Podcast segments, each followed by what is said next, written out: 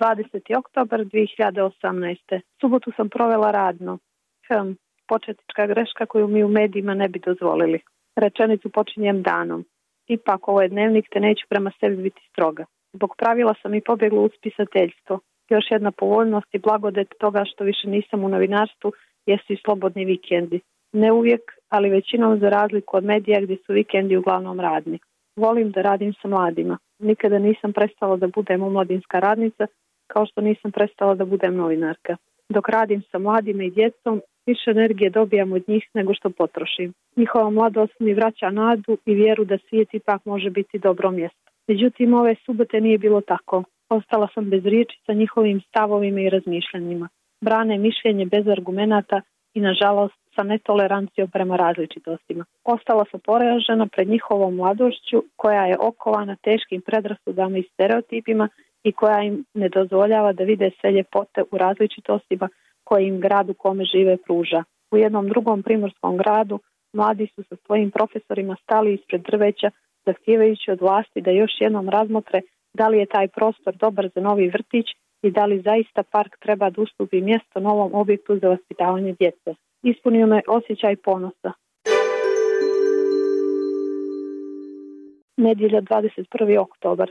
Umor, vjetar, neupotrebljivi rezervni točak nisu me spriječili da pođem do bara i, pružim podršku potpisivanjem peticije ispred gimnazije Niko Rolović. Ovoga puta profesori i učenici nisu na suprotnim stranama već istoj. Mole gradske vlasti da preispitaju odluku o gradnji vrtića na mjestu gdje je drvored. Ne svi profesori i učenici, već oni koji znaju šta znači biti građanin. Nadam se da će uspjeti u naumu i pokazati apatičnoj većini da su promjene moguće. Nakon porodici i prijatelja, vrijeme i za moje vrijeme. Ima u Podgorici nekoliko lokala gdje se može popiti dobra kafa. Volim da istražujem i probam različite ukuse. Ispitujem svoje granice. Izlazim iz zone komfora. To mi je pomoglo u pisanju romana. Jedan od omiljenih mi kafića je pun. Pitam djevojku da li je slobodna, stolica udaljena, dva mjesta od nje, ali mi njen pogled govori da želi privatnost. Pokušam kod jednog momka i on mi kaže da je sasvim u redu da dijelimo sto. Njegov engleski objašnjava da nije sa ovih prostora i da je naučio da dijeli sa drugima slobodno mjesto.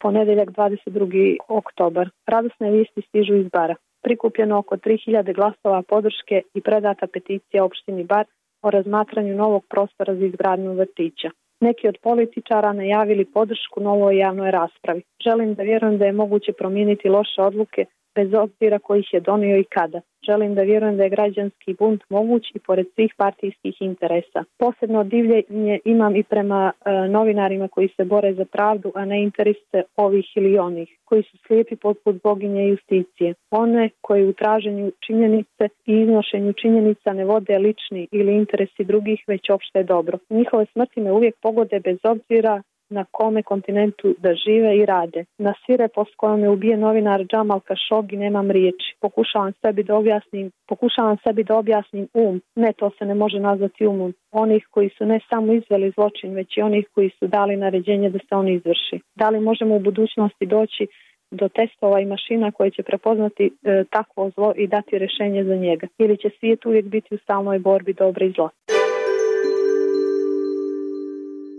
Utorak 23. oktobar. U Crnoj Gori ovih dana aktualna tema oko učešća predstavnika države na Eurosongu. Skoro svake godine naivno ulazim u diskusije sa ljudima vjerujući da ću moći da objasnim šta je smisao te manifestacije. Zaboravim da živim u zemlji gdje je sve postavljeno kao takmičenje i da nije važno učestvovati nego pobijediti. Prošle godine nisam bila razočarana neuspjehom crnogorskog muzičara, već njegovim ljudskim nastupom. Smatram da plasma nije bitan, već poruka koju šaljemo sada već publici širom svijeta. Svim srcem sam bodrila trans osobu Danu International iz Izraela da ostane upamćenja, shvatajući koliko je teško biti drugačiji i odstupati od već zadatih normi. Danas sam svim srcem protiv održavanja Eurosonga u Izraelu. Postoje načini, postoje načini da se pokaže da je sistem apartheida koji vlada u pomenutoj zemlji potpuno neprihvatljiv za 21. vijek u ostalom za bilo koji vijek. Na stranu to što prošlogodišnju pobjedničku pjesmu smatram seksističkom. Najveći muzički događaj koji okuplja milione ljudi ne treba da bude organizovan u zemlji u kojoj svakodnevno stradaju ljudi. Srijede 24. oktobar. Ne znam da li uopšte da trošim riječi na aktualna dešavanja. Potrudit ću se da sumiram. Crkva na Rumi, Njegoš, Kiš, zastave i polumjesec. I opet vrtimo po ko zna koji put istu izlizanu ploču. Ko je bio na kojoj strani u 18., 19. i 20. vijeku? Ko je manji, a ko veći crnogorac, srbin, bošnjak ili bilo šta drugo? U međuvremenu mediji plasiraju šture i malo korisne informacije gotovo bez suštine o evropskim integracijama sve dok identitetska pitanja budu zauzimala većinu medijskog prostora, imat ćemo apatične građane koji će da brane nešto što im je na rođenju dodijeljeno od strane roditelja, bez da aktivno učestvuju u kreiranju države sa jednakim pravima za sve, bez obzira na pol, vjeru, naciju, seksualnu orijentaciju i sl. U takvoj državi, makoliko se nazivala sekularnom, političari će govoriti o religiji, naciji i slično, znajući da im to donosi strastvene, ali ne i kritički nastrojene birače jer bitno je jesmo li njihovi ili naši, a ne šta je ko uradio i zašto treba da snosi odgovornost. Sve do građane bude interesovalo dokazivanje ispravnosti naših i neispravnosti njihovih neće biti važan životni standard. Pobuna neće biti na vijest da je cijena goriva niža u mnogim gradovima Europe, a potpuno nebitna će biti informacija da građani Crne Gore mogu da kupe tek 46% od onoga što sebi mogu da priušte građani u EU. Četvrtak 25. oktobar. Nedostaje mi život u Londonu, ali samo zbog jedne stvari, saobraćajne kulture koja vlada u tom gradu. Kola hitne pomoći policije često krstare putevima, ali ne čekaju da ih vozači propuste kao vozilo sa prvenstvom prolaza, već se drugi učesnici čim čuju njihove sirene kao po automatizmu sklanjaju prave prolaz. To u Crnoj Gori nisam vidjela. Kada već govorim o kulturološkom šoku, zbog jednog sam umalo izgubila glavu.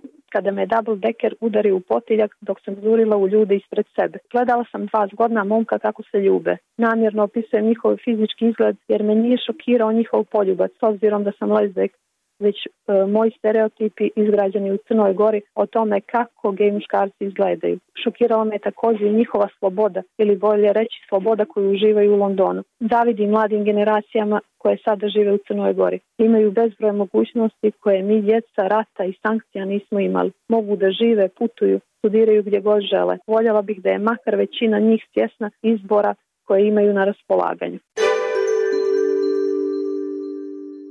Petak 26. oktobar. Volim svoj posao i atmosferu koja vlada u našoj organizaciji. Danas je petak i završit ću kasno popodne sa poslom, ali ne marim. U pitanju je seminar i rad sa mladima i njihovim profesorima. Znam da sam dnevnik počela sa razočaranjem, ali završit ću ga sa nadom da će makar neko od njih shvatiti zašto su ljudska prava važna i da na svojim kožama neće osjetiti kršenje istih.